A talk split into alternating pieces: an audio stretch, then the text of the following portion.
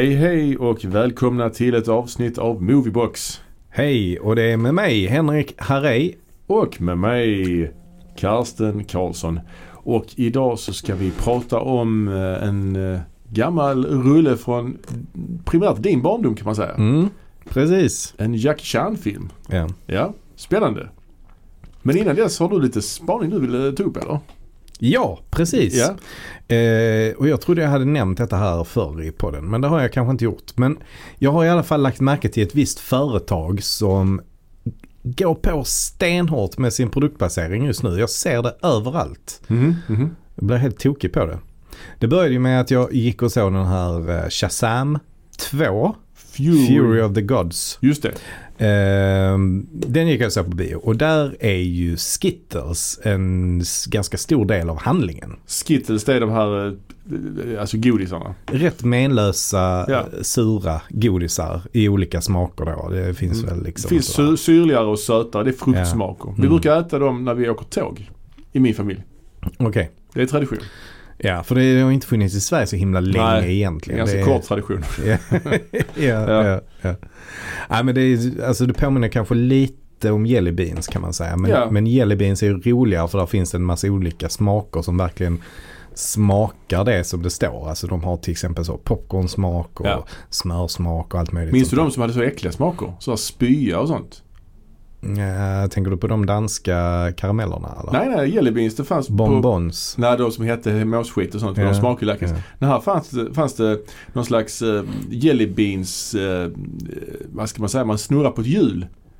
Mm. Och så fick man ta en, så kunde det vara antingen en god smak eller en äcklig smak. De såg Mhm. likadana ut. Så det kunde Mm. vara eh, blåbär men det kunde också vara eh, typ eh, diskmedel. Mhm. Det kunde vara choklad men det kunde också vara typ hundmat.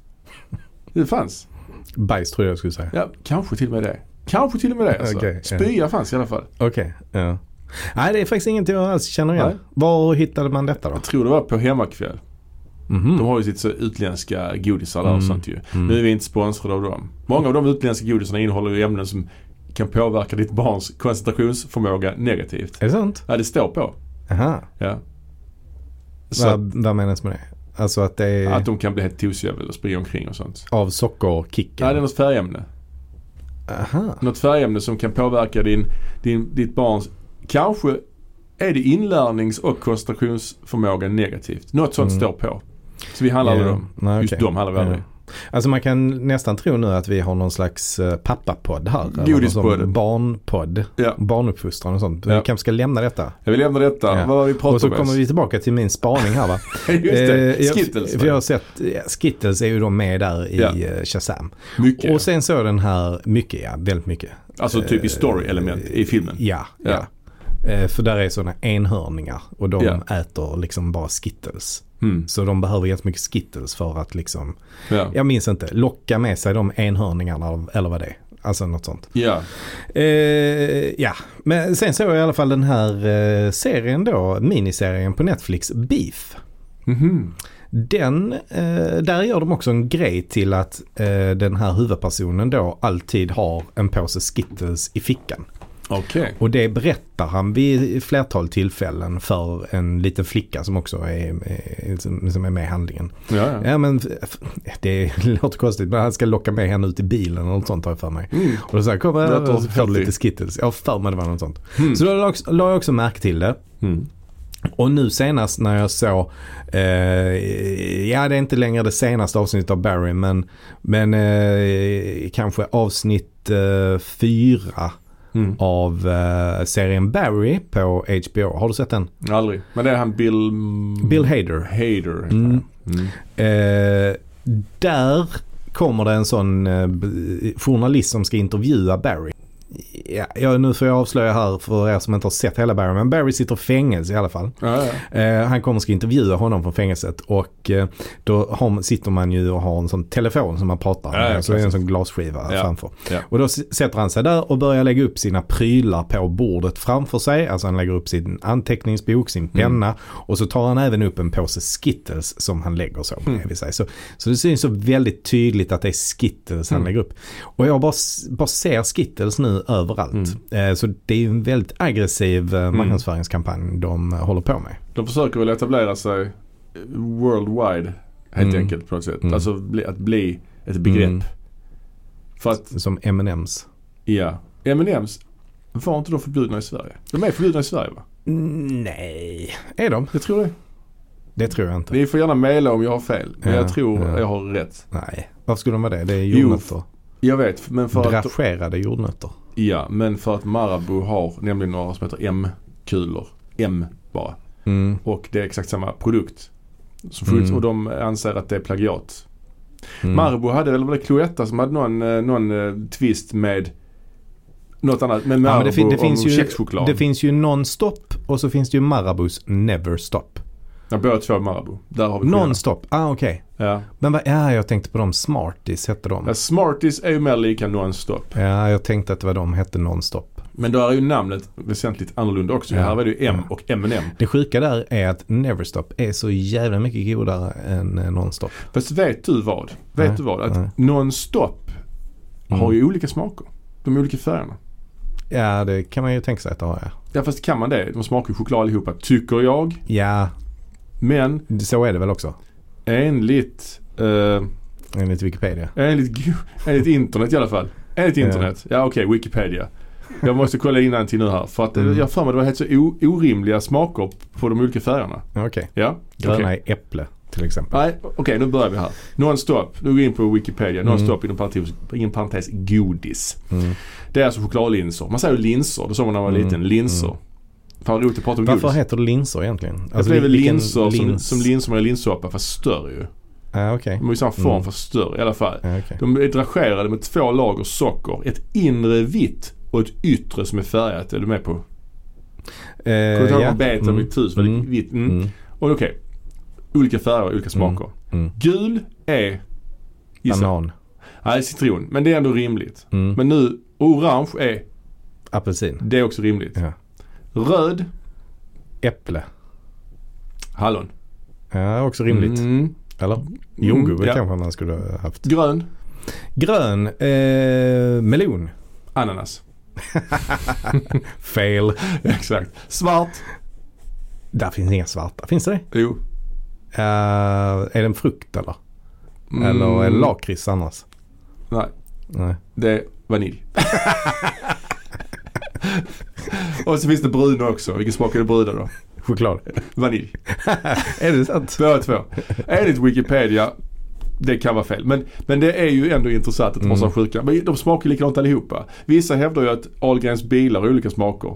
Mm, men det kan jag ju ändå tycka att de har ju. Det är ju lite mer rimligt. jag kan inte definiera vad Nej. det är för smaker men, men den, där är någon som smakar mer mintigt. Ja, liksom, jag andra. tror också det. Mm. Men så, jag har alltid tänkt, är det olika smaker eller inbillar jag mig? Men de här Mm. non-stop, de smakar choklad allihopa. Ja. Men nästa gång ska jag verkligen, verkligen försöka. Mm. Man kan ju liksom suga på dem så att det Man kan ju suga försvann. av det dragerade Just det, just det. ju. Ja. Det brukade man ju göra.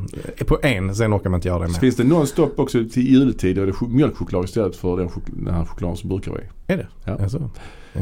Ja, ja, Ja. linser kallar man dem för. Jag vill bara säga en Mm. sak innan vi lämnar detta ämnet. Eller om vi nu Mm. ska lämna detta ämnet för jag tycker Mm. det är rätt kul. Noblesse. Minns du dem? De Ja, här- oh ja, de har jag väldigt eh, nära till hans Bara i minnet. Ja, ja, de Ja, är ja. jättegoda. Trevliga. Ja, framförallt originalet. Det fin- det finns flera Ja, det olika. finns apelsin och sånt. Ja, just det. Mm, Ja, men mm. den, den är helt okej också. Men vet du, vad de, vet vad vi kallar dem hemma hos oss? Eller jag kallar dem, min farmor kallar dem alltid för detta. Ja, jag vet inte, frisbeeplattor. Chokladepläde. Chokladepläde. Ja, Så jag säger chokladepläde fortfarande. ja, why not? Ja, why not? Ja. Eh, Okej.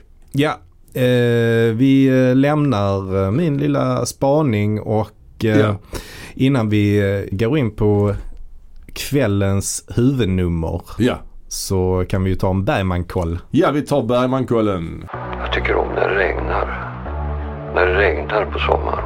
Mina spöken och demoner. Jag blir lite klaustrofobisk. Ja, Bergmankollen då. Vad är det för någonting? Vill du förklara för nytillkomna lyssnare? Jo då, vi, det är så här, vi har köpt eh, varsin box eh, från Criterion eh, som heter Bergmans Cinema Ja. typ. Och den har 37 skivor med 39 filmer. Något eller, eller om det är tvärtom. Ja, det är massa. Så vi ska se allihopa och eh, prata om dem. Och vi ser dem i, den kommer, de kommer också i lite speciell ordning så att vi, vi Ja. ser dem inte kronologiskt utan vi ser dem i den ordningen som Criterion har valt. Och nu eh, är vi eh, färdiga med första avdelningen som hette Opening Night. Opening Night Ja. och nu är vi inne på Centerpiece 1. Centerpiece 1. Vi ska påbörja den idag. Ja. Opening Night avslutades förra gången ju. Ja. Och det är ju då Centerpiece 1. Då tänker man att detta är liksom Det är de mest, huvudrätterna. de mest centrala grejerna då för Bergman. Så skulle man kunna tolka det. Ja. Eh, och då undrar ni, vad är det där? Vad är det för filmer då? Jo, det är, Scener ur ett äktenskap. ja, Eh, Observera, detta är filmversionen. Det är ju Mm. egentligen en tv-serie från början. Men vi har valt att se filmversionen. Den internationella mm. eh, klippningen då. Och den hade jag faktiskt aldrig sett innan. Jag hade bara sett tv-versionen. Jag är osäker på om jag har sett tv-versionen eller om det bara, jag, jag vet inte. Jag har sett någon av versionerna för 20 år sedan när vi pluggade filmvetenskap. Mm. Mm. jag, och vi, de hade så här veckofilm. Man Mm. såg liksom en film i veckan. Och då vet jag inte om det var filmversionen eller tv-versionen de visade. Jag har Ja, svårt att tänka mig att det var ibl- tv-versionen. Alltså. Ja, det tror jag också. Men jag hoppade över dem. Jag tyckte det verkade tråkiga ibland. Så ja, ja. jag tror inte jag såg denna. Men däremot har jag sett eh, tv-versionen Ja, det har jag sen aldrig gjort. tidigare. Eller jag, Nej. jag tror inte jag har gjort det i alla fall. Nej. Och sen har vi också valt att se, eller vi har inte valt att se, andra filmen vi ska se och prata om idag är ju då Saraband då, som en slags Mm. uppföljare på ur ett äktenskap som Mm. är Bergmans sista produktion. Mm. Ja, Eh, så eh, jag vill bara säga att jag älskar tv-versionen av Scener ur ett äktenskap. Jag tycker den är eh, härlig och mycket bra och gripande. Ja härlig är väl fel, fel ord? Ja men den är ändå härlig på något sätt. Ja. Jag gillar den liksom väldigt ja. mycket. Ja, ja, ja. Men nej, visst, härlig är den inte. Den är men ja. men den, är, den är stark och gripande och Mm. man, man känner för, för de här karaktärerna väldigt mycket. Men, skulle, jag väntar på ett men här då. Eh, filmversionen då? Känner du inte det med den? Eh, nej, alltså inte riktigt. Jag, jag tyckte när jag såg den nu att den, den kändes, alltså jag tror att den här filmen eller serien behöver kanske sin tid.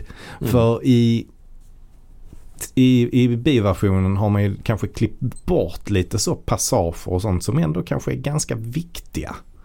Mm. tycker jag. Eh, vilket gör att här blir det lite mer så att säga on the nose. Lite mer, eh, det går, alltså Mm. vissa scener går lite för snabbt upp till 100. Ja. Eh, och om man, om man ti- tittar på dialogen och så, så ibland så kan jag känna att den är lite högtravande. Oh ja. Men där tänker jag att det är Bergmans stil. Så där får man liksom helt enkelt acceptera det. Att det är högtravande ofta. Mm. Men jag tänker att eh, också att, jag har inte sett tv-serien. Men jag tänker mig också att det är rätt många intensiva dialoger som avlöser varandra ganska tätt in på varandra i filmversionen. Ja, och, och så är det ju det att eh, det, det, det, replikerna kan ju kännas ganska skrivna ibland och, och kanske Mm. inte helt så trovärdiga. Ja, teatralt helt enkelt. Teatralt. Ja, verkligen. verkligen. Och, men, men jag menar även om det är Bergmans stil Mm. så kanske det blir tydligare i den här typen av film som är gjord för tv-mediet och Ja, ja. därmed också lite mer, nat- eller man vill att, eller man tänker sig att det ska kännas lite mer naturalistiskt. Ja, alltså vi kanske ska säga snabbt vad den handlar om först. Ja, det kan vi göra. Det handlar ju om ett gift par Ja. vars äktenskap börjar knaka lite i fogarna kan man säga. Mm. Och de mm. börjar liksom analysera eh, vad felet är och hur de känner för varandra. Och Mm. de bryter upp och återförenas lite och hipp Mm. som happ kan man säga. Den vann en Golden Globe kan jag säga, filmen. Okej. Bästa utländska Ja, film. ja. Så att den är ändå, Och den är ju, den är ju eh, intressant. Ja, jag gillar hur den är gjord och sådär. Den börjar ju ganska, ganska bra. Men jag kan ändå tycka att det är lite märkligt. Minns du hur den ja, det börjar? börjar med någon slags eh, intervju med dem ju. Någon slags uh, terapisamtal, eller? Nej, det är inget terapisamtal. Det är någon sån veckotidningsjournalist som intervjuar Just det. dem. Och det är Och- Ingmar Bergman själv man hör i bakgrunden. Ja, han är ju då fotografen som man inte ser. Nej, just det, men just det. men man hör honom ge, liksom så, ja men sätt dig sådär och bra nu kommer du bra in i ljuset. Och så Mm. får vi ett litet leende på det. Alltså Mm. typ sådana instruktioner ger han. Eh, så det, det är ju roligt. Eh, och jag kan ju säga också i tv-versionen så är han ju ganska närvarande för, för det är ju en sån berättarröst där han berättar Jag för mig det är han som gör det i alla fall. Jaha, wow. Att han berättar alltså, inför varje avsnitt vad som Mm. hände i förra avsnittet. Ja, ja, okej. Så okej. han ger en liten sån introduktion till varje Ja, avsnitt. Lite, lite lite, som eh, von Trier i Riket till exempel. Ja. Men, men jag tycker det är ett ganska smart sätt så att säga, alltså så här befästa vad de är för karaktärer och sådär i den här intervjun. Att man, att man har en journalist som ställer frågor. Vad jobbar du med? Hur gammal är du? Mm, Och så vidare. mm, vad, mm. vad, vad är dina innersta drömmar och sådär. Men jag kan också samtidigt tycka det är konstigt för de är ju inte kända personer. Varför blir de intervjuade av den här uh, veckotidningsjournalisten? ja, det är en bra fråga. Mm. Verkligen. Det är, för det känns som det är något sånt hänt i veckan eller något sånt där. Som, men det är klart de kanske på den tiden kanske inte var så ovanligt att de bara gjorde så hembesök hos vanliga människor. Kanske. Det, men i alla fall så har den här sekvensen i början ändå givit eh, ringar på vattnet och inspirerat andra filmer tror jag. Till exempel Mm. när Harry träffar Sally. Där är ett par sådana här scener man återkommer till Mm. i den här filmen. Mm. Som nästan känns dokumentära. Och även skulle jag säga den här Modern Family TV-serien. Där är ju de sitter Mm. och pratar in i kameran. Mm. Skulle tänka mig att det kommer härifrån. Mm. Men jag vet inte.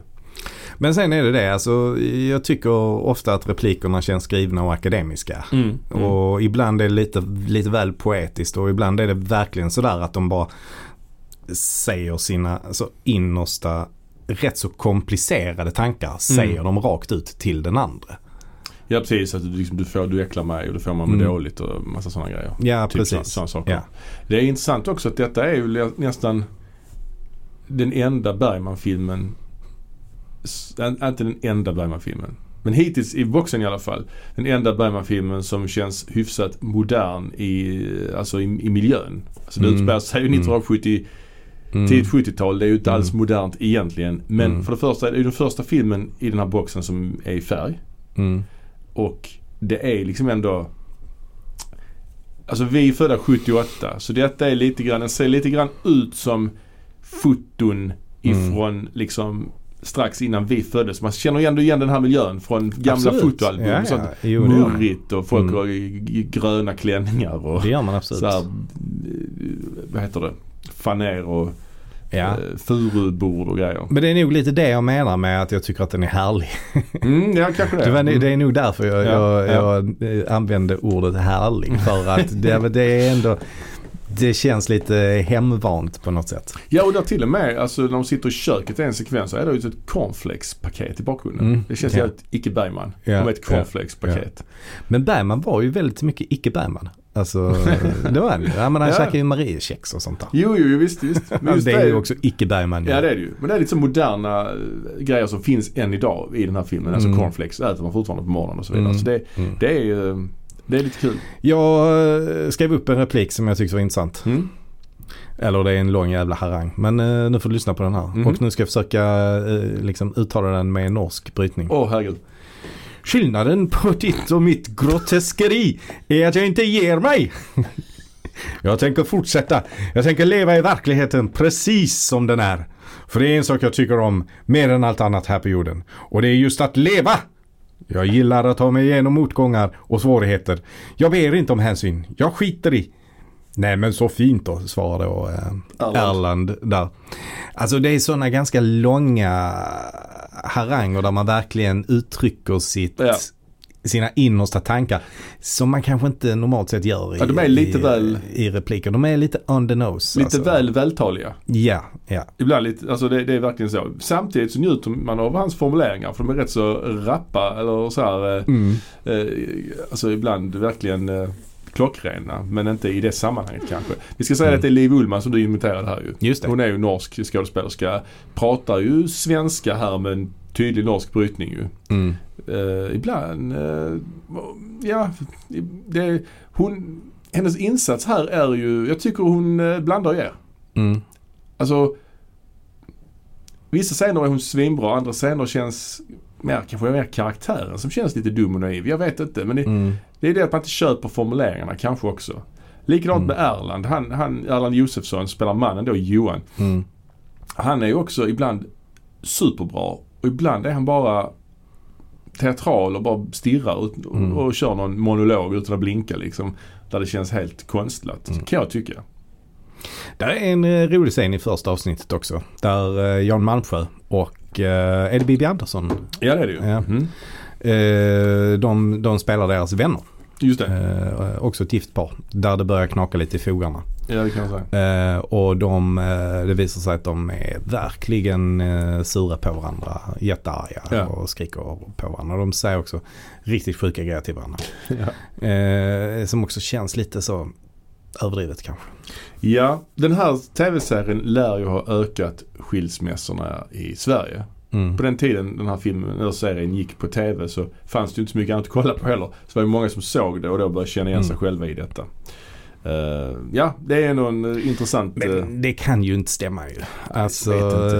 eh, man får ju tänka lite på det här med orsakssamband. men jag, gillar, jag gillar den legenden. Alltså, jag tycker Ja. det är en kul legend. Men det kanske beror på andra, andra grejer. Det är, det är ungefär som uh, antalet filmer Nicolas Cage gör per år korrelerar med uh, antalet självmord i uh, swimmingpooler. Mhm. Är det så eller är det bara så du drar ut Det, nu? det, det är, siffrorna följer exakt samma kurva. Wow. Alltså, Wow. så om, uh, Nicolas Så Cage, om Nicolas Cage gör dubbelt så många filmer eh, ett år än vad han gjorde året innan. Aha. Så är också antalet självmord by swimming pool Oj. dubbelt så många. Fan vilka grejer har på sitt samvete. Ja precis. För att vara Nicolas Cage liksom. Och han har ändå fått en resurgence nu. Ja. Samma sak också. Antalet drunkningsolyckor Mhm. korrelerar ju med antalet sålda glassar. Glassar, alltså Mm, ice cream. det kan ändå förstå. Nej det kan jag inte. Men, Men, det köper man ju. Man köper ju glass när det är varmt ute. Ja, och när det är varmt någonting- ute är man också till havs. Ja, Och då, ja. då är, ökar risken för drunkna. Alltså. ja, det är lite mer. Nikla, Nicolas Cage. Men det har ju inte med att, ja men då köper, alltså det, är inte, det har ju inte att göra med att det är farligt att köpa en glass. Nej, det är sant. Utan Men- det korrelerar men det finns inget orsakssamband. Ah, Okej då, men jag tycker i och för sig det här har lite mer gemensamma beröringspunkter. En, Ja, en serie jag- om en skilsmässa påverkar tittarna att skiljas. Ja, men Eller? jag- Jo, och Bergman tycker ju det själv, eller han är ju väldigt stolt. Ja. Han, är liksom, han berättar ju det i all eh, högsta förnumstighet. Han skilde sig själv detta. rätt så många gånger. Han var Ja, väl det gift, han. han var gift Mm. nio gånger. Nej det var Nio? Nej, sex kanske. Ja, Många gånger var han gift i alla fall. ja. Men, Det är också en grej att förr gifte man sig ju liksom Hipp som happ, ja. efter en dejt. Så, Och det gör ju ja, nu också- gifter vi oss. Ja men det gör ju också den här eh, karaktären i, alltså han eh, Josefsson. Han träffar ju en Mm. ny. Mm, Så man verkligen funderar på om man ska gifta sig med henne. Precis Mm. träffat henne. Hon är 23 och han är 42. mm, Ska, ni gift, ska, ni, ska ni gifta er? frågar hon. Mm. Ja, kanske det. han var gift eh, fem gånger. Else Fischer, Ellen Lundström, Gun Grut, Käbi Latterey och Ingrid von Rosen. Just det. Sen han har också förhållande med andra som inte var gifta med. Liv Ullmann exempelvis. Harriet Andersson också. Ja. Bibi Andersson. Mm. Eh, ja, men eh, det finns också en remake på den här ju. En eh, tv-serie på HBO.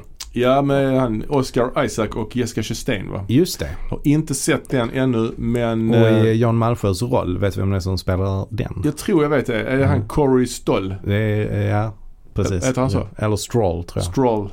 Ja. Mm, precis. Ja, den vill jag säga också. Ja, den, är, den är faktiskt eh, jättebra tycker Mm. jag. Eh, jag tycker definitivt att det är liksom en, en eh, modernisering. En, en eh, upphottad modern version som kanske är lite lättare att relatera till. Mm. Eh, Men där är det ju också, de har ju eh, ändrat lite, det är inte exakt samma story liksom. Så de har ju ändrat lite, satt in det i andra sammanhang. Han är till exempel, ja men så, en judisk man som Mm. eh, kanske har lämnat tron lite bakom sig. Mhm. Eh, men jag skulle säga att Jessica Chastain är den som kanske är lite mer drivande i den filmatiseringen. Okej. Om man jämför med uh, Liv Ullmann. I, i uh, Bergmans version då så är han är väl någon slags forskare va? Mm, mm, Och hon är advokat. mm. Men där är Mm. någon sekvens där hon är på sitt jobb och där känns hon mer som en psykolog. Hon sitter och pratar med någon, någon tant. Ja, precis. Nej, men hon, är ju, hon är ju sån eh, som jobbar med familjerätt tror jag. Så att Ja. det har ju med arv och, och Mm, liksom, eh, eh, ja men eh, skilsmässor och sånt. Ja. Bodelningar och sådana grejer. Så att då kanske det blir lite... Mm. Ja, men jag måste säga att jag tycker ändå den här filmen är en njutning alltså. Mm. Jag gillar den Mm. ver- verkligen. Eh, även om den är väldigt teatral. Och det är ju ganska så att säga fotot i den här filmen är ju väldigt ordinärt, nästan tråkigt. Men det har Mm. att göra med att det är en tv-produktion liksom. Mm. Eh, det är väldigt så det är 4-3 Mm. och det är väldigt liksom Mm. avskalat platt liksom. Ehm, Men en sak jag tänker på som också andra har tänkt på är ju att deras barn typ inte är med. Mm, jag skulle precis säga det. Är ganska I filmen är med talande alls. för Bergman nästan. Ja, ja verkligen. Fast i och för sig, han har ändå gjort ganska mycket eh, skildringar av barn ju. Ja, Fanny Alexander till exempel. Eller Tystnaden. Men, Mm. men, men jag vet inte, i serien är de med lite där eller? Eh, nej men jag minns inte riktigt men jag har inte för mig de är med i serien Nej, heller. för jag läste i någonting. den här boken man får i Ja. boxen, där står att de är knappt med i serien. Ja, Men de är inte alls med i alla fall i, i Nej. filmen. nej. Och det tycker jag är lite konstigt att inte, att inte barnen överhuvudtaget, att de inte syns, det kan jag väl köpa. Mm. Det kan vara ett stilgrepp. Men de nämns ju knappt. Det är någon dialog om dem. Sen är det Mm. bara lite grann om, de nämner flickorna. Men det är inte Mm. liksom för att, jag tänker ändå att barn är en ganska central del i ett äktenskap också. Det påverkar också rätt mycket av den Mm. energi man lägger liksom. De pratar ju bara om den energi de lägger på sina yrken och på sitt samliv liksom på något sätt. Mm. Att de inte tar med den faktorn i den här ekvationen är rätt så anmärkningsvärt. Mm, ja. Och Bergman säger, säger i intervjun där att hade vi haft med barnen hade det varit en annan historia. Mm. Jag köper inte riktigt det. Det kan Ja, då- det köper jag ändå Ja. faktiskt. Så hade ändå kunnat vara en miserabel... Eh, alltså man hade ändå kunnat skildra, skildra, skildra ett äktenskap i förfall faktiskt. Jo, men det blir det inte lätt ur barnens perspektiv då. Jo det blir lite, lite mer att det är synd om barnen, det är klart. Mm. Men kan det också vara att han kanske inte var den mest närvarande fadern? Jo, jag tänker det också. Att han inte... Han Tänkte kanske inte själv någon riktig erfarenhet av hur Nej. barn, eller att han ens hade någon empati för hur barnen blev behandlade i hans egna äktenskap. Nej, det kan vi Alltså, bara spekulera i men ändå. Det har väl Jag ändå... tror att, eh, har han inte en dotter som heter Anna Bergman? Jo, jag tror det. Eh, hon har väl skrivit en eh, självbiografi tror jag. Ja. Om hur det var att växa upp med honom som pappa som inte är så himla positiv. Ja, Jag tror det. Och eh, sen är det någon, något replikskifte i den andra filmen vi ska prata om eh, som jag tror också är verklighetsbaserat. Eh, Mm. Så att, eh, ja. Ja, och den andra filmen vi ska prata om Ja. är ju Saraband. 2003 kom den, alltså hans Mm. sista produktion. Det är alltså en uppföljare på Scener ur ett äktenskap. Eh, 30 år senare gjorde han uppföljaren. Det är ju kul ju. Nej, det skulle jag inte säga att Det det är är, precis som faktiskt. Blade Runner. Ja. Eller eh, Star Wars. Eh, fast han skulle nog gjort som i Blade Runners fall där. Att, eh, som Ridley Scott lämnade ju över eh, eh, stafettpinnen till en annan regissör. Och det kanske Bergman också skulle gjort här. Eh, tänker Kanske. Jag. Mm. Nej, för att jag tycker den här filmen är eh, i princip osebar alltså. Du, du, är, du är på den nivån. Ja det är Ja. jag. Alltså det här är outhärdligt att titta på. Detta är också, man kan också slänga ut frågan, är det ens en film? Alltså det här känns verkligen som tv-teater. Mm. Det är någon sekvens som är filmisk. Det är någon sekvens där hon, Julia Duvenius, springer i skogen och det är en åkning i sidled när hon springer. Ja och han har också kameran på ett väldigt så konstigt ställe uppe i luften där man får se henne uppifrån. Ja. I övrigt är Eller det uppe i ju, ett träd då kanske Ja. det var. Han klättrar, Bergman klättrar upp i ett träd. ja, Satt där uppe och filmade. I övrigt så är det ju bara eh, liksom scen, scen, uppbyggd scenografi i SVT's studios liksom. Men ganska Ja. sjuk Ja. ljus, tråkig ljussättning. Alltså en Mm. overklig, Mm. en tv-ljussättning. Kan tycka där när de är inne i den kyrkan så är det ändå, ja men Ja, det där, där finns ändå ett ljus som eh, faller Mm. på Liv Ullman på ett uh, någorlunda intressant sätt kanske. Sen är det ju jävligt krisp bild. Alltså det är ju Mm. digitalt foto. Mm. Ser jävligt skarpt och så Mm. ut. Men det är ju inte filmiskt liksom. Nej, Det är nej. det inte. Eh, Men den är tillägnad hans eh, fru Ingrid då som gick bort några Ja, år tidigare. ja, ja. Och den handlar ju om då eh, det här paret då, Johan och Marianne. Johan, han är väl då Bergman på Få- Fårö, alltså den här eremiten. mm, Han sitter Mm. i en stuga i skogen. Likt Mm. Bergman på Fårö. mm. Det är väl så man har tänkt här va? Ja, Det är väl självbiografiskt liksom. Man. Eller han. Bergman. Bergman, som är Bergman har Ja, tänkt. okej. Eh, det, det, och så kommer då hans före detta fru dit för att hälsa på. Ja. Ehm, ja, det är ju lite annorlunda här för det hänger inte riktigt ihop med förra tycker jag. Jag. Nej, nej, jag känner inte heller att det finns någon. Alltså, den, den börjar ju bara så, den börjar så dåligt. Hon sitter, Liv Ullman pratar in i kameran. Mm. Och detta undrar jag om det var med för att det, denna versionen i boxen är någon slags eh, förlängd version. International Mm. cut som Mm. gick på bio i USA och så. Ja. Jag vet inte om det var med i den versionen som gick på Nej. SVT. För den gick ju Nej. på SVT bara. Den hade premiär på SVT bara. Pang Mm. så liksom. Och hon sitter och kollar på lite gamla bilder och sånt och så Mm. eh, berättar hon att ah, jag har ju inte träffat Johan nu på 30 år och jag kanske ska, ska åka och hälsa på han. och, så, och så bestämmer hon sig för att åka, åka så och Mm. hälsa på honom. Mm. Och så kommer hon dit och så kommer hon till hans lilla hus där och så pratar hon in i kameran igen. Ja, där ligger han. Så hon berättar liksom det vi ser i bilden. Men också. sen, sen tar de bort det. Ja, det är inget grepp som, eh, som fortsätter. Nej, det är i slutet också, men annars är det inget så. Nej, nej. Men redan där blir man ju lite avskärmad känner jag. Alltså det är inte Ja. karaktärer jag kan relatera till det här alls. Nej. Men sen är det ju också märkligt att dels får man reda på att Erland Josefsson har en son Mm, som spelas av Börje Ahlstedt. mm. Som inte är någon purung person. Nej, nej. Så att Jag kan köpa att han är 20 år yngre än uh, Jo. Ernst kanske. Men ja, jag vet inte. han nämns ju inte i första. Men gör han inte det alls? Jag, Ja, jag- vet, jag vet inte. inte. Alltså, äh, äh, Josefsson nämner ju, alltså Johan då, han nämner att han för det är ju ganska intressant i, i, precis i början på uh, Scener ut äktenskap. Där berättar de ju hur de träffades och de berättar om att Ja. de båda två var gifta innan. Ah. Ja, åtminstone Johan var gift i alla fall. Men Ja, okej. att av någon anledning så, så skilde de sig. Och då i det sorgarbetet så träffade han eh, Marianne och att de hade en ganska så oromantisk eh, start på sitt äktenskap. De liksom Mhm. typ säger bara så ja vi trivdes i varandras sällskap och så gifte vi oss. Mhm. Det känns rätt så Mm. tradigt tycker Kort, jag. ja. Ja, ja. Ja. Så där kan jag tänka mig att då, då fanns det en son där kanske. Men det är i alla fall något som inte är rätt här med deras åldrar. För jag noterar, Mm. hajar till att han, Erland säger att han är 86. Mm. Och Och, i för- hon ska bara vara 63 eller något sånt. Så det var 25 års skillnad. Ja. Och Nej i, det funkar i inte. första filmen så är han 42 och hon 30. Ja, han är 42 och hon Ah. 30 någonting. Ah, Så att han borde inte vara, han borde vara 72. Mm. Inte 86. Det är ändå en Mm. viss skillnad ju. Och hon borde liksom Mm. Om man kollar på Goofs på, på, på IMDB, jag gjorde det. Då är det att hon, han är, hon, är 63, han är 86. Eh, och Henrik är 61, alltså hans son då. Mm. Och tänk på att det namnet Henrik återkommer jävligt mycket i hans filmer.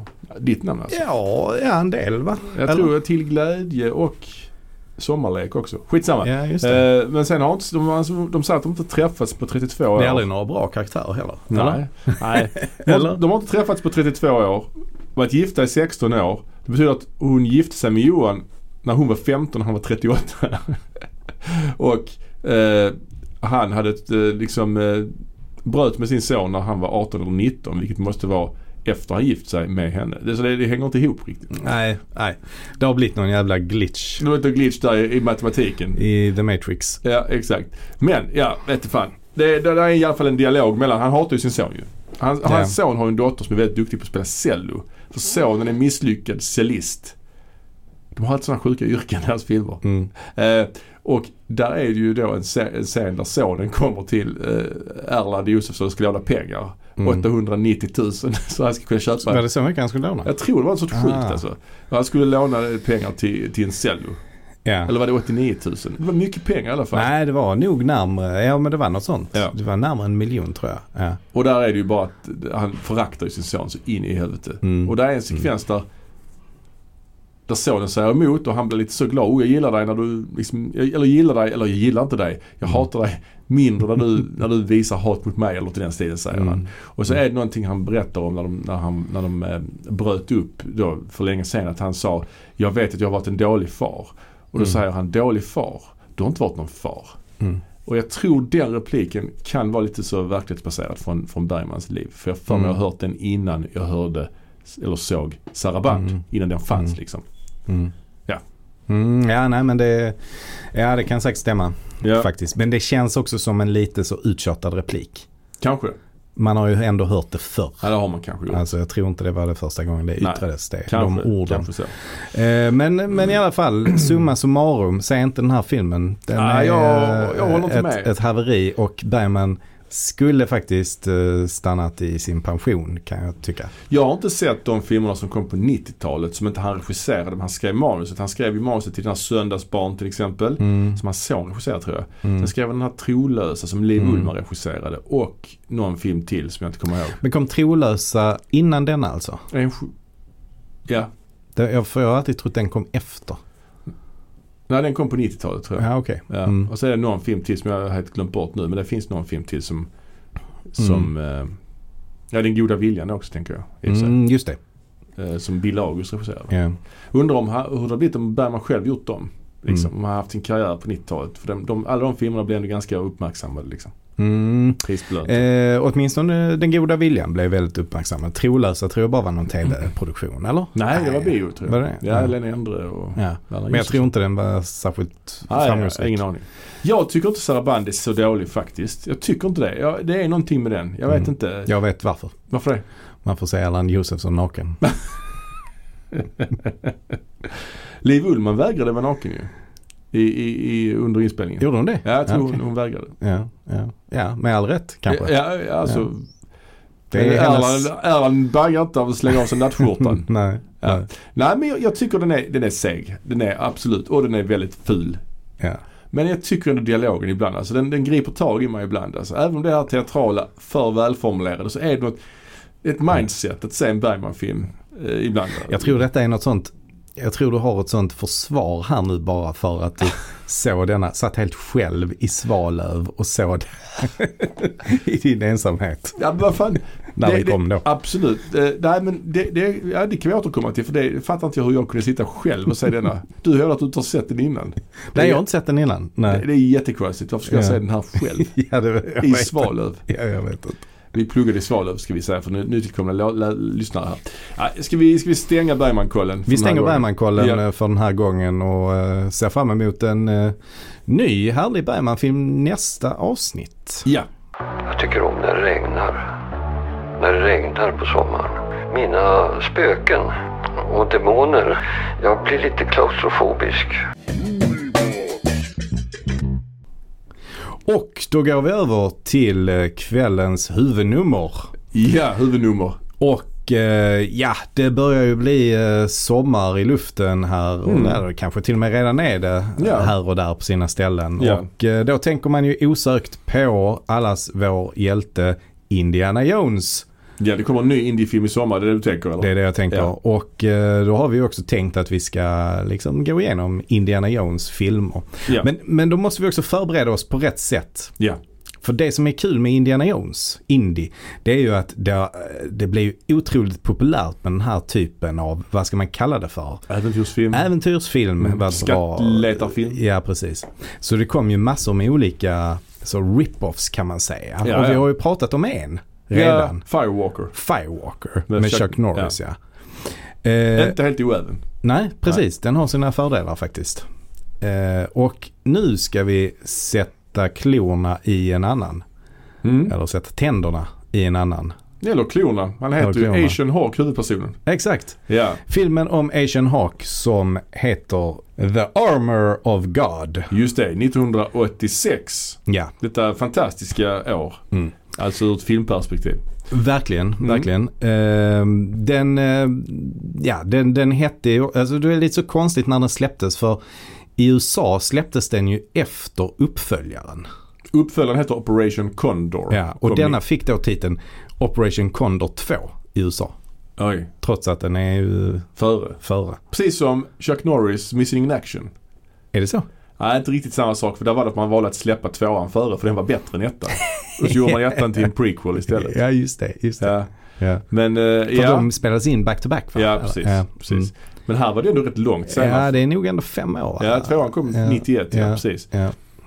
Här, ja. Så men i alla fall det här är ju då eh, bolaget Golden Harvest som eh, hade gjort eh, massor med Jackie Chan-filmer tidigare och en massa eh, Hongkong Ja. Bruce Lee bland annat. Eh, just det, ja precis så var det. Ja. Eh, så de är väl det, det andra stora Hongkong-filmbolaget efter Shaw Brothers. Och Mm. där var det ju berömt att Shaw Brothers de missade ju Bruce Lee. Just det, precis som med Sun Records missade Elvis. Ja, precis. Ja, Mm. ja. Och eh, Och eh, hur som helst så eh, under, under Bruce Lees tid på tidigt 70-tal och så så var det ju verkligen en blomstrande eh, filmverksamhet i Hongkong och efter Bruce Lees död så fortsatte man ju också göra alltså så, eh, filmer med mycket martial arts i, alltså mycket Mm, kung mm. fu helt enkelt. Ja.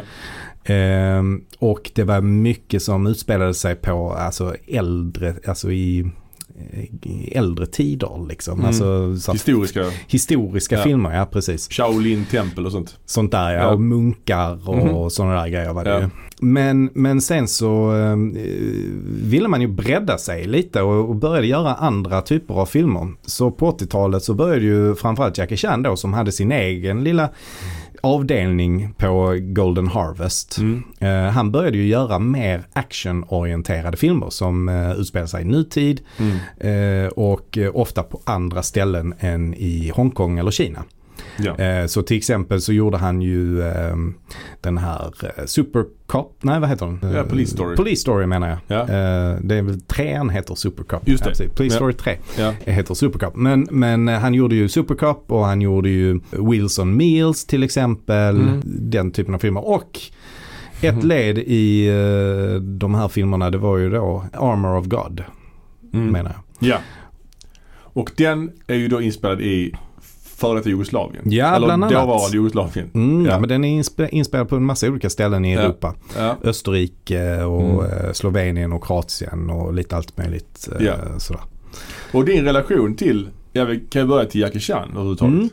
Det här är nog den första Jackie Chan-filmen eh, som jag såg. Mm. Jag, jag, eh, kollade mycket, eller jag kollade på en del kung fu-filmer när jag var eh, rätt ung. Kanske Ja. 10 år eller någonting, någonting sånt.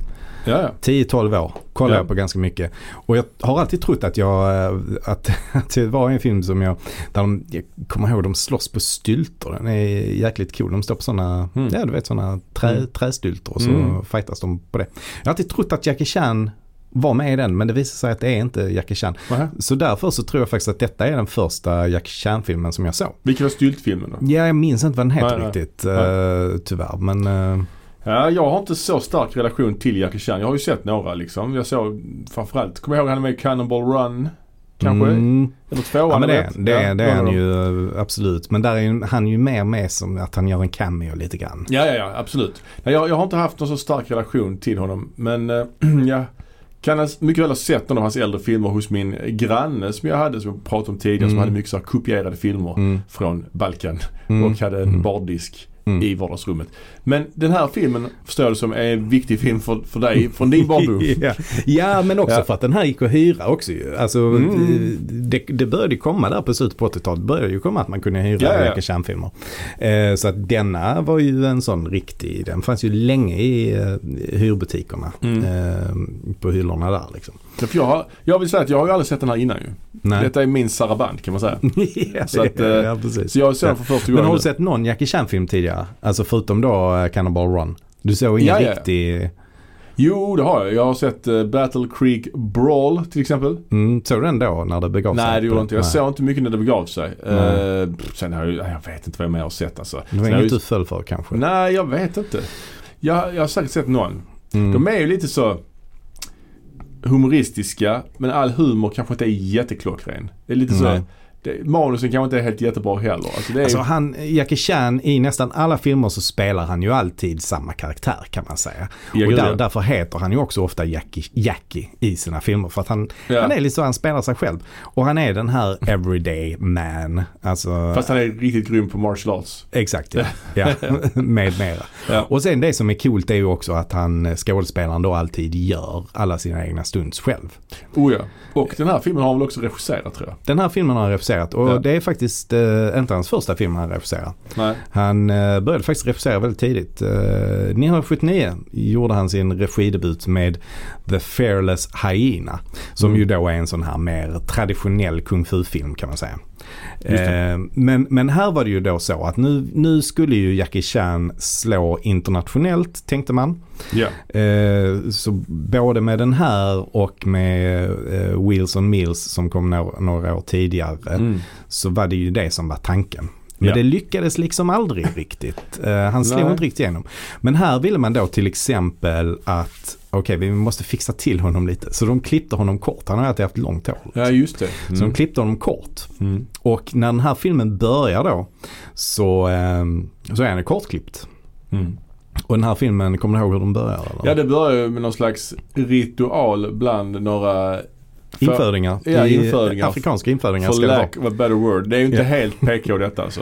Nej, men det är ändå... Det är någon topless tjej som ska offras Ja. på något altare. Ja. Och han ska sno någon grej där. Mm. Och de är ju också då eh, mörkmålade ska man säga. Man ser ju på topless-tjejen att hon är ju inte afrikan. Nej. De andra har ju mask på sig så man ser ju inte, man ser ju inte riktigt men... eh, Detta hade inte gjorts idag. Of Nej, so många, så- for so many reasons. Ja, ja nej, men så är det. Men så han, han gör, han, precis, han är långhårig där. Nej, korthårig precis i Korthårig början. där. Ja, just det, Mm. just det. Just det. Eh, Men den här, den här första sekvensen Mm. där han då ska, eh, för han är ju som sagt en skattletare och äventyrare. Mm. Och han ska då stjäla en artefakt som den här stammen har. Precis. Som är ett svärd som ingår i The Armor of God. The Armor of God är alltså fem delar då av en rustning. Så Mm. det är väl en sköld tror jag också. Det är ju det som Det är lite otydligt Man får vad det typ är. inte se rustningen Nej, man får inte se det. Så det, det är bara en sån klassisk McGuffin Ja, som spelar någon. Men. Men här får man i alla fall se det här svärdet, svärdet får man då, som, som, Ja. han, som han tar då från de här eh, införingarna. Mm. Och i början av den här sekvensen så är han ju kortklippt. Ja. Men i slutet eh, så är han ju långhårig. Ah. Eh, och det är också en massa andra klafffel. Han har Mm. till exempel handskar på sig en tagning, nästa tagning har han inga handskar Aj, på aj, sig. Men det är ändå en ganska, en ganska explosiv start på den här filmen Ja. skulle jag ändå säga. För Bland det händer mycket. Bland annat åker de pulka med hjälp av sina sköldar ner från backe. På gräs dock På ska gräs, sägas. ja. Ja, precis. Gräspulka. Ja, gud. Det är ganska kul.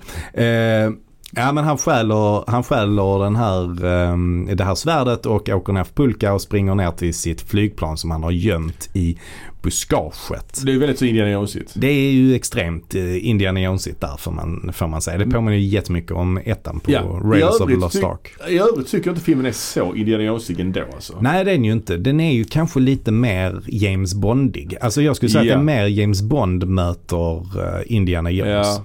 Och eh, för att han är ju inte bara äventyrare, han är också musiker ju. Han är Ja. något popband ju. ja. ja. Så det är lite lustigt ju. Ja. Men i alla fall anledningen till att han är först kortklippt och långhårig. Mm. Det är ju att i den här sekvensen så är där, där han, för han, de är i någon sån ruin då. Mm. Gammal ruin. Som inte alls ser ut att vara afrikansk på något sätt. Men, Nej det det inte. men eh, ja, det, det, det ska det vara i alla fall. Och så hoppar han från en mur och ska ta tag i ett träd. Och eh, Mm. svinga sig i grenen. Men då på inspelningen så eh, gick brast grenen. Så Mm. han trillade ner fem meter tror jag. Eller Mm. något, något i den stilen. Och slog i huvudet mot en sten. Så att han fick ett, alltså ett hål i skallbenet i kraniet. Liksom. Ja han har aldrig varit så nära att dö. Nej, Och det nej. var ändå ett ganska lätt stunt. Ja det var det. Och Ja. han hade redan gjort det dessutom. Ja. Men han ville göra om det en gång till för han tyckte inte det blev 100%. Ah. Så han ville göra om det en gång till. Ehm, men då var, då var det någonting med att eh, det hade regnat liksom. Så det var dels lite halt. Mm. Och sen så, um, ja, så antingen så tappade han greppet eller så brast grenen. Jag vet inte exakt hur det var. Man får ju se det här i eftertexterna. Det är goofs Mm. och där är detta ett goof. Mm. Det är liksom inte alls roligt. För att Nej, han det ligger på bår och typ ser ut som att han är död. Man får typ. säga att han blöder från örat Ja det också, är rätt ymnigt och han är helt Mm, blek. Det mm, ser ut som, att, ett lik liksom. mm, Så det är ju mm. inte jätte roligt. Nej, nej liksom. precis. Och eh, som sagt här har han aldrig varit, varit så nära att dö som, Nej. eh, som han någonsin har varit. Men, men eh, han klarade sig ju i alla fall men han var ju tvungen till att få lite tid att återhämta sig. Ja. Och, eh, han håret växa. Ja, då fick håret växa och då eh, gick ju den här regissören, alltså filmen gick ju över tiden då så regissören hade ju andra projekt som han var tvungen till att börja jobba med. Så därför så eh, blev det så att Jackie Chan tog över regin. Ah. Så han var egentligen inte tänkt att regissera den här. Men, eh, men han tog över det eh, när han kom tillbaka sen och slutförde det. Så att när det är, det är den, i början av den här scenen och sen så scenen efter när de är det här, det är någon sån eh, konsert ju. Det är märkligt, märkligt scen. Det är en konsert och så är det också en modevisning.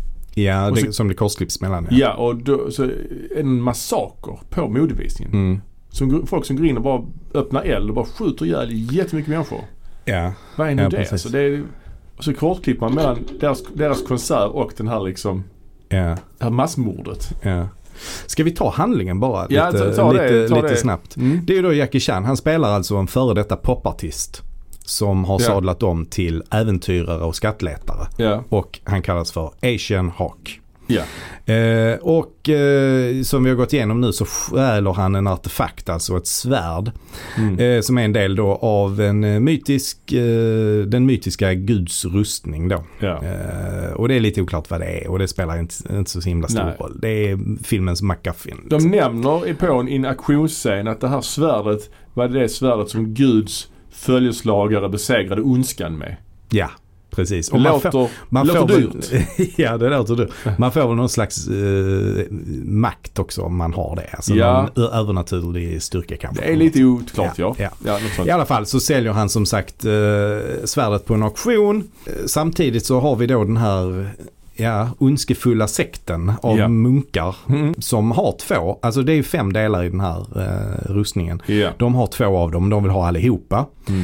Så då eh, kommer de på en eh, ondskefull plan att de kidnappar Asian Hawks ex-flickvän Just det. Lorelei för att använda henne för att tvinga honom leta rätt på de återstående tre delarna. Mm. Eh, och om de får det av honom så kommer de att släppa henne. Det är ju bra för han vet ju vem som har de andra tre delarna för det är ju de som, de som köpte svärdet av honom. Eh, som har dem. Det är en rik baron. Mm. Eller greve skulle jag nog säga. Ja, okej. Ja. Greve Bannon. Ja, okej. Jag Eller tyckte han, Count. jag tror han var baron i min, men skitsamma. Baron. Var han det? Ja. Baron Bannon? Ja, jag vet inte. Jag vet inte. Jag tror det är Count Bannon. Ja, okej, men, okej. men det spelar inte så himla stor roll. han, Han, han, har ju, han har ju en dotter också som var den som köpte eh, svärdet på auktionen. May, heter hon. Mm. Eh, hon har varit med en del, eller hon har i alla fall varit med i Wheels on Mills Ja, Okej. också. Så de två och den här flickvännens, ex-flickvännens nuvarande kille Alan, precis. ska hjälpas åt att hitta henne. Ja. Och då resten av rustningen. Ja, och Alan han eh, har ju spelat i samma band också. Men han är numera en framgångsrik soloartist. Så det här med Istället. bandet, det är, för, det, är för, det, alltså det är så onödigt att det är ett band med. För det, det nämns men det är... Ja. Mm. Ja, eh, så att eh, de här tre då, eh, May och Alan och Asian Hawk är Mm. alltså de, de Eller beger, Jackie. Jackie, ja. De, Mm. de beger sig till den här sekten för, att- för att infiltrera sekten. Ja. Och eh, de lyckas frita Lorelei. Mm. Men då visar det sig ju vad? ja, hon är ju lite hypnotiserad va? Ja, Ja, så hon, eller, eller hjärntvättad. hjärntvättad typ. Ja, av sekten ja, så hon ja. vänder sig emot dem ju. Ja, precis. Så hon, eh, hon drogar Alan Mm. eh, och får honom att liksom eh, stjäla de här tre delarna då och lämna till, till sekten. Ja. Och då måste Jackie då bege sig in i klostret igen för Ja. en sista uppgörelse och rädda sina vänner. Ja, eh, men alltså han den här baronen eller greven, han berättar ju, det är ju en sån flashback-scen när han berättar om svärdets, eh, Mm. eller rustningens ursprung. Just det. det är liksom Mm. en slags en battle sequence med Ja. så silhuett. Den är lite eh, snygg ändå alltså. Mm. Ja, lite ja. så Highlander. Men lite slarvigt berättad. Han snackar om den sanna guden och den onda sekten. Alltså det är verkligen så här. Mm. Man kunde lagt lite mer tid på, på just att mm, liksom bena ut lite grann vad det är för någonting. Eller så skulle man ha lagt mindre tid på det. Ja, någonting av det. Den här filmen är ju inspelad, som du säger, i eh, Kroatien bland annat. Ja det är den. Och det har du ett starkt band till, för du har Ja, varit det- mycket i Kroatien. Ja precis, jag har ju kroatiskt påbrå. Så eh, jag har ju varit på flera av de här ställena som den här filmen spelas in. Så jag tyckte ju det var så himla coolt att Ja. se det exakt. i en actionfilm. Mm. Bland annat så är det ju en sån här eh, en ganska vild biljakt Mm. ändå inne i centrala delarna av Zagreb där, de, Mm. eh, är, är, där det är en sån marknad. Där jag själv eh, liksom eh, var Ja. som liten påg och köpte, köpte ja, persikor. Pers- Åh, persikorna i Kroatien. Ja, ja. Ja, det- Dollats heter den i alla fall. Ehm, som Ja. fortfarande är en marknad idag. Ja. Ehm, men den, det är liksom de här trapporna och så var ju... Ja, men den här biljakten är ju spektakulär. Det skulle jag säga är min Biljakten är- favoritsekvens i filmen. Den är ju Mm. väldigt eh, vild. Ja men bi- biljakten är eh, extremt uh, spektakulär ändå måste jag säga. Alltså, jag är eh, fortfarande när jag ser den nu idag så blir jag ändå, alltså shit det här, hur har de ens gjort detta? ja, nej, de har väl gjort det på riktigt. Typ. De har gjort det på riktigt, Ja. definitivt. Men alltså man ser ju hur, hur ofta de är på väg att bara krocka in i en vägg eller köra Ja, på ja. någon statist eller någonting sånt. För att det är, sen har ju deras bil också lite funktioner ju.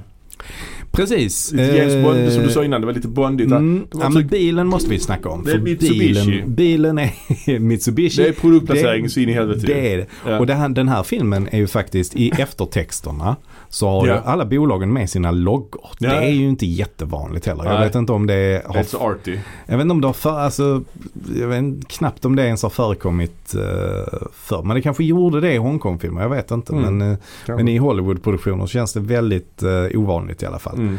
Så Mitsubishi kommer ju där med en jättestor logga Ja. till exempel. Men den här bilen är ju skitsnygg. Eh, Ja, den är- den, den är ju jävligt cool alltså. Ja. ja, den är Mm, ovanlig. Cabriolet. Stor, hög, alltså den är Ja, precis. Det är, det är ju en sportbil. Fast den känns ändå lite burkig på något sätt. Ja, precis. Men, ehm, ja men den är jäkligt cool. Och så har den också sådana här specialfunktioner. Ja. Eh, så att han kan till exempel ha Twin Turbo, Ja, vilket vi får se. Ja. Den har, den har också någon sån dator ehm, Mm. i sig där han kan trycka i olika grejer. Det är lite som Cannibal Run, där har de ju också någon sån bil, Mm. han och hans kompis ju. Ehm, men ja, sen kan de också skjuta iväg så de, en minibil ur bilen så de åker iväg med också. Precis, precis. Så, Vilket kommer väl till pass när de är Ja. ute på en bro. men ja precis, ja, men det, det, det, det här är spektakulärt. Där, där, där jag tycker filmen kommer till korta det är ju de Mm. här eh, som ska vara, de här scenerna som ska vara lite komiska. Som Mm. är lite, ska vara lite så lågmält komiska. Som inte är situationskomik. Jo, situationskomik är det ju men det är någon sekvens där Jackie Chan och de andra två, eh, jag kommer inte ihåg vad de heter nu, tjejen och killen. May och Alan. Just det. De är på något hotellrum Mm. och de har med sig kinesiskt smör. ja, det är med. Det är bara Ja, så. okej. Ja, men nej, det, det kan jag så, hålla med så, smakar hon det och så tycker hon det är gott typ. Det är liksom, and that's the joke. Det är en ganska lång scen som mynnar ut i att smöret de har med sig, oh, var- varför de nu har med sig det. Att hon tycker det smakar konstigt och så är det liksom konstiga reaktioner på det. Oh, mm. Det är märkligt alltså. Ja, det är märkligt. Men, och absolut, jag, jag kan hålla med. Ja. Alltså, um, humorn är inte 100% hela tiden. Det är den inte. nej. Det var kanske en sån scen som ja, kanske borde klippts bort. Man ska säga det också att den här kom ju i en internationell version och en eh, Hongkong-version. Där Hongkong-versionen är 10 minuter längre. Eh, Och framförallt det som klipptes bort i den internationella versionen var ju just eh, det. den här typen av humoristiska scener men även lite Mm. från när de, eh, alltså de här popmusikscenerna. Mm. Helt enkelt det som eh, en internationell publik inte riktigt skulle förstå kanske. Så jag kan tänka mig att det var någonting som funkade bättre i Hongkong. Det är någon annan scen också där, där de ska ta sig in i hennes rum. Mm. Men och hon kommer hem. Och så får, får inte hon säga att uh, Alan är där inne så ska han, Jack- Jackie Chan ska avleda hennes uppmärksamhet. Mm. Det är så, men då är det liksom inte så farligt om hon hade upptäckt den här killen. Så hade det inte varit så farligt egentligen. Alltså det var så lång Ja, onödig scen. ja, Han ska liksom, oh, oh. Som du sa där så eh, var det ju rätt grovt när de korsklipper med eh, den här massakern inne på modevisningen. Ja exakt ja. Mm. Det är ju ganska ovanligt också för en Jackie Chan-film att det är så blodigt. Ja, ja. Eh, så att det tycker jag ändå är, är ganska intressant att det Mm. Också att de, och den är ju aldrig så blodig scen efteråt heller. Nej, Så nej. att det är ju en sån scen som kanske inte riktigt passar in. nej det gör det inte Men tycker jag jag. kan ju ändå tycka att den är ganska, den är ju ganska cool. Att det kommer sådana munkar med Ja. automatgevär som bara massakrerar alla, Mm. alla de på modevisningen. Ja, Eh, det är ju då de kidnappar Lorelei. precis, precis. Eh, mm, nej men det är fler komiska scener också när de, eh, efter att de Efter att de har varit hos greven i hans eh, slott. Ja. Eh, och, och där kan jag väl tycka också att filmen liksom sackar lite i tempo ja, ja. eh, när de är där. För att det är precis, precis som du sa innan liksom att där är, det är ganska mycket redogörelse Mm, och mm. det blir en åter, eller när han ska berätta om vad Armor of God är för någonting. ja, ja, just det. Så där, där sackar den liksom lite i tem- tempo tycker jag. Han är med i tvåan också faktiskt, greven. Han är det? Ja, Ja, ja. okej. Ja. Vad gött. Jag måste ju se tvåan känner jag. Ja, ja. Jag tror att man kan se den på YouTube. Ja okej. Hela tvåan tror jag. Operation Condor. Ja, Mm. men däremot så vet jag att de har ju en, en utgåva på eh, 88 Films. Så jag Mm, mm. funderar nog på att beställa den nästa gång istället. Ja, jag har ju den här svenska boxen. Där Mm. det ingår både ettan och tvåan plus en massa andra filmer. Mm. Jag tror det är åtta filmer. Det, totalt. det, är det låter inte som en värdig box. Nej, den är inte värdig men den är rätt så eh, billig och bra. Eh, massa. Bill och bra. Mm. Eh, ja, Mm. Ja, okej då. ja. Ja men i alla fall. När de, när de är på väg till klostret så är det också en ganska rolig scen faktiskt. Eh, han, uh, Asian Hawk och Alan står och kissar vid vägkanten. Ja, det är kul ja. Eller hur? Är det inte det? ja, eh, kommer upp. Och sen eh, tror jag att May sitter kvar i bilen och så Ja. ropar hon på dem eller något sånt. Och så vänder sig Asian Hawk om Ja, just det. och då kissar han ju på Alan. Ja, ja Så är... sen får Alan liksom ligga eh, på, vad kallas det för, bakskuffen Mhm. och lufta byxorna för de Just är helt blöta. Lufta Det är ju ändå rätt roligt. Ja, det, det är Ja, absolut. Men i slutet i alla fall. Om vi Alltså Mm. själva filmens slutfight utspelar sig i någon slags grottkomplex hos den här sekten ju. De ska Ja, infiltrera alltså, sekten. Liksom. Precis, alltså de infiltrerar ju sekten två gånger. Ja. Eh, när, när vi kommer till, till filmens tredje akt kan man säga. ja. Så första gången, det är ju då de fritar Lorelei. Då infiltrerar Ja. de ju bara genom att klä ut sig till prostituerade. Mm. Eh, och då, då får vi ju då träffa eh, den här ondskefulle number two guyen. Alltså, Mm. jag tror han kallas för, alltså han heter Lama. Okej ja. Mm. Han ser, han ser rätt speciell ut. ja. Eh, men sen så visar det sig att eh, Lorelai ju, eh, har förrått dem ju. Så de måste ju eh, Asian Hawk ta sig in där en gång till. Ja. Och nu är vi inne i sluttampen här. Och eh, här är ju ändå filmens höjdpunkter tycker jag. Mm. Eh, så den här gången så måste han ta sig in via bergsklättring. Så han eh, kl- klättrar ju in genom något slags hål i det här. För att det, det här, det är ju väldigt fina locations. Mhm. Här är det ju inspelat på ett slott som eh, finns i Slovenien. Mm. Och det är ju ett slott som ligger liksom inbyggt i berget Mm. kan man säga. Mm. Så det ser ju häftigt ut. Ja. Eh, så att här tar han sig in via grottor i det här berget. Ja. Och eh, nu kommer ju en eh, riktigt bra scen när han har eh, fritagit Lorelei och Alan. Mm. Men de måste slåss mot eh, hela det här munkgänget. Just det. De försöker ju bara ta sig ut nu men, men de stöter hela tiden ihop med det här munkgänget. Ja, ja. Och då kommer de in i en matsal. Just det, de kastar tallrikar och sånt. Ja precis. Ja. Nej, men den, den scenen tycker jag ändå är riktigt häftig. Eh, först så svingar ju Jackie Chan med en sån eh, stor stock som brinner ju. För att hålla dem borta. Just det. Eh, men sen blir det ju en, eh, en fight där de gömmer sig bakom ett bord och eh, kastar tallrikar. Mm. Och munkarna svarar med att kasta mat och skit. Så det blir ett sånt matkrig. Mm, det är ganska, ganska ball faktiskt. Och sen så kommer det ju faktiskt en riktigt bra scen där Jackie Chan slåss mot typ 30 munkar på en gång. Mm. Vilket ju ändå är eh, snyggt koreograferat också. Ja, absolut. Tycker jag. Ja, han är bra på det ju. Mm. Det är han ju. Eh, men sen efter det så har vi då eh, slutfighten. Ja, När Jackie Chan kommer in till den här eh, sista bossen. Ja, sista bossen. Ja, Precis. Ja. Och då är det några, har han några livvakter som är tjejer då i högklackat. Ja, i högklackat. Precis. Som han då får slåss mot. Ja. Ja. Bara att han slår en på bröstet och säger sorry. Det är plumpt alltså. Ja. Men den, den här fighten tycker jag ändå är, det är bland det, nog ändå bland det bästa Jackie Chan har gjort. Mm. eh, tycker jag. Wow. Ja. Ja men alltså det är eh, akrobatiken när han är uppe. För han, efter ett tag så upptäcker han ju att i och med att de har högklackat Mm. och så är det ju en, en avsats ovan, ovanpå där det är sådana träplankor med, med springor. Just det, just kommer han ju på att de kommer inte kunna gå där ju. Så han hoppar upp där och där eh, fightas de. Mm. Men till slut så lyckas han ju eh, slå ner dem allihopa. Mm. Och, då, Och sen- tro- då tror man det är slut men Nej, eh, då, då, då kommer ju resten av munkarna Ja. och då visar sig att han har eh, dynamit under eh, rocken. Han har en sån självmordsväst på sig. Ja. Massa ja. dynamit som han tänder eld på för att inte de ska komma nära honom. Mm. Men så börjar det gå till helvete där också. Han börjar få svårt för att släcka stubinerna och så. För han vill ju inte dö själv såklart. nej, nej. Så att det är... nej. Ja. nej, precis. Men man kan ju säga att han klarar biffen och flyr ut och hoppar till en luftballong. Ja. Som de andra kommer i. Ja. Det är också eh, lite sådär. Precis, de andra har ju eh, stuckit då och eh, hoppat i en luftballong. Ja. Eh, tydligen. Tydligen har det. Och, och sen så när han går ut så bara så klipper de det ju som att vi Alltså det känns bara helt fel att han är Ja, det- så högt upp. Ja det känns ju inte som att man får ju aldrig se luftballongen och han i samma bild.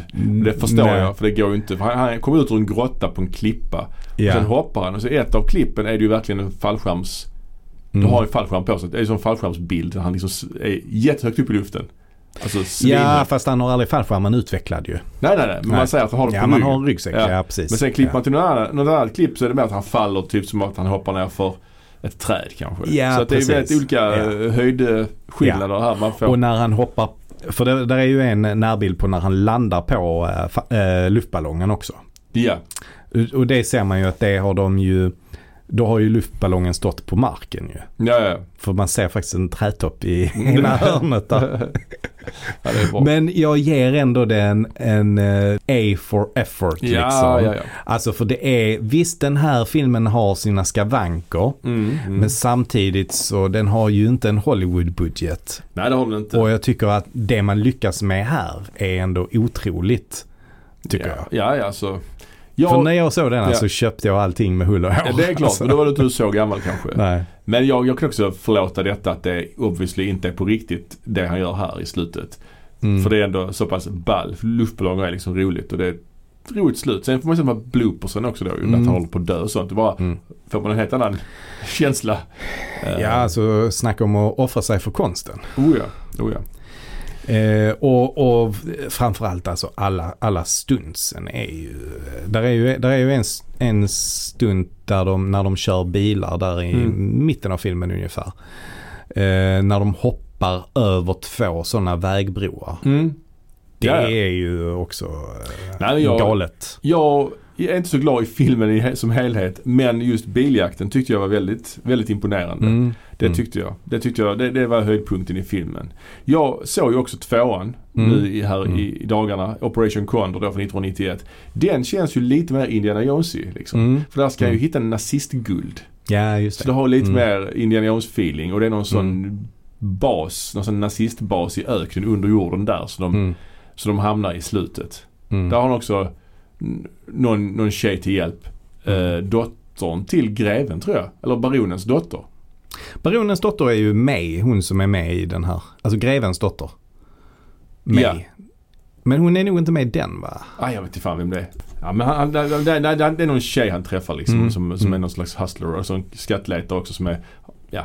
Men där är i alla fall också en väldigt spektakulär sekvens med en sån här stor eh, fläkt liksom.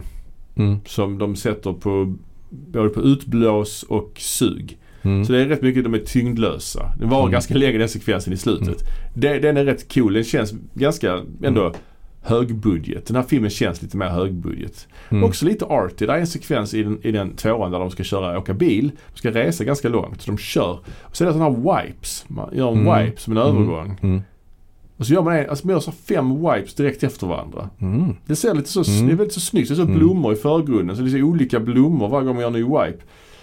Bara stack ut för det var lite så arty. Mm. Ehm, Nej men det känns ju rimligt att den har högre budget för att han blev ju mer och mer känd under de här åren och fick Mm. en mycket, mycket större internationell eh, publik ju. ja, ja, ja. Eh, när den här filmen gjordes så var det i princip bara Hongkong som, alltså Ja, ja. kanske Kina också, jag vet inte. Men, men när denna kom så var det i alla fall Hongkongs eh, mest inkomstbringande film eh, fram till dess. Mm.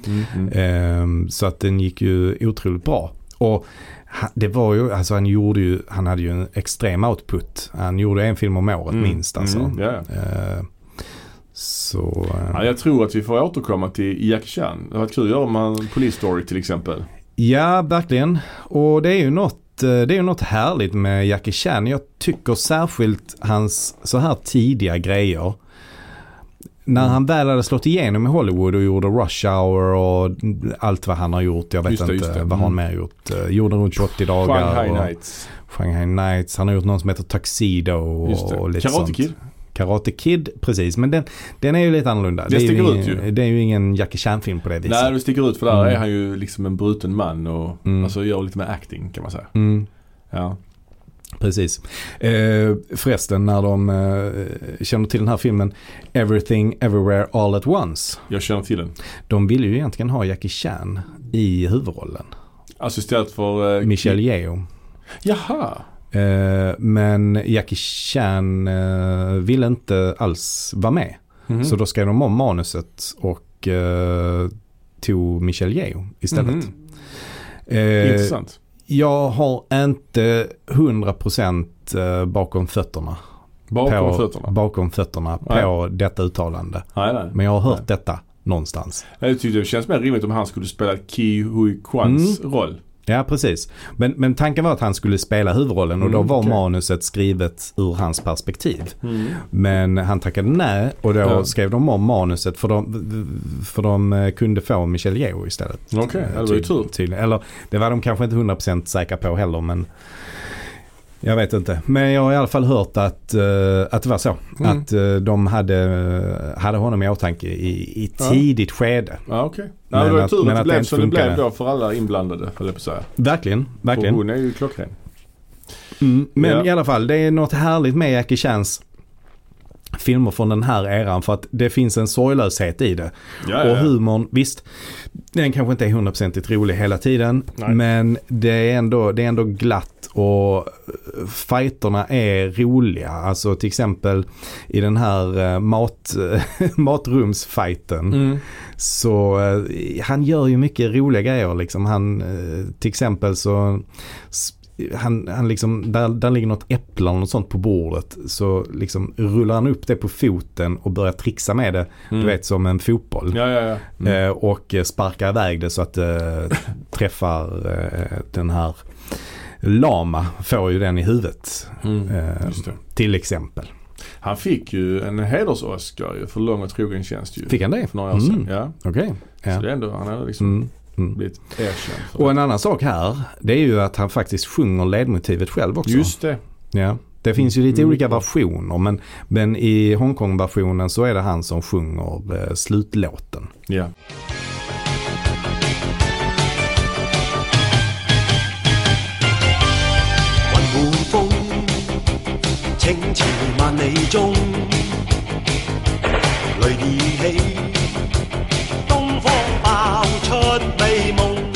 Ja, men vi får väl som sagt anledning till att återvända till Jackie Chan någon gång. Han har gjort Ja. som sagt en, han har en, en gedigen filmografi. Mm. Ja, men ska vi säga så, så Det gör vi. Ja, så nästa gång så ska vi prata om någonting helt annat. Men också lite grann om Bergman såklart. Ja, Bergman, det får det bli. Ja, får ni ha det så bra. Trevlig kväll. Samma, hej. hej. hej.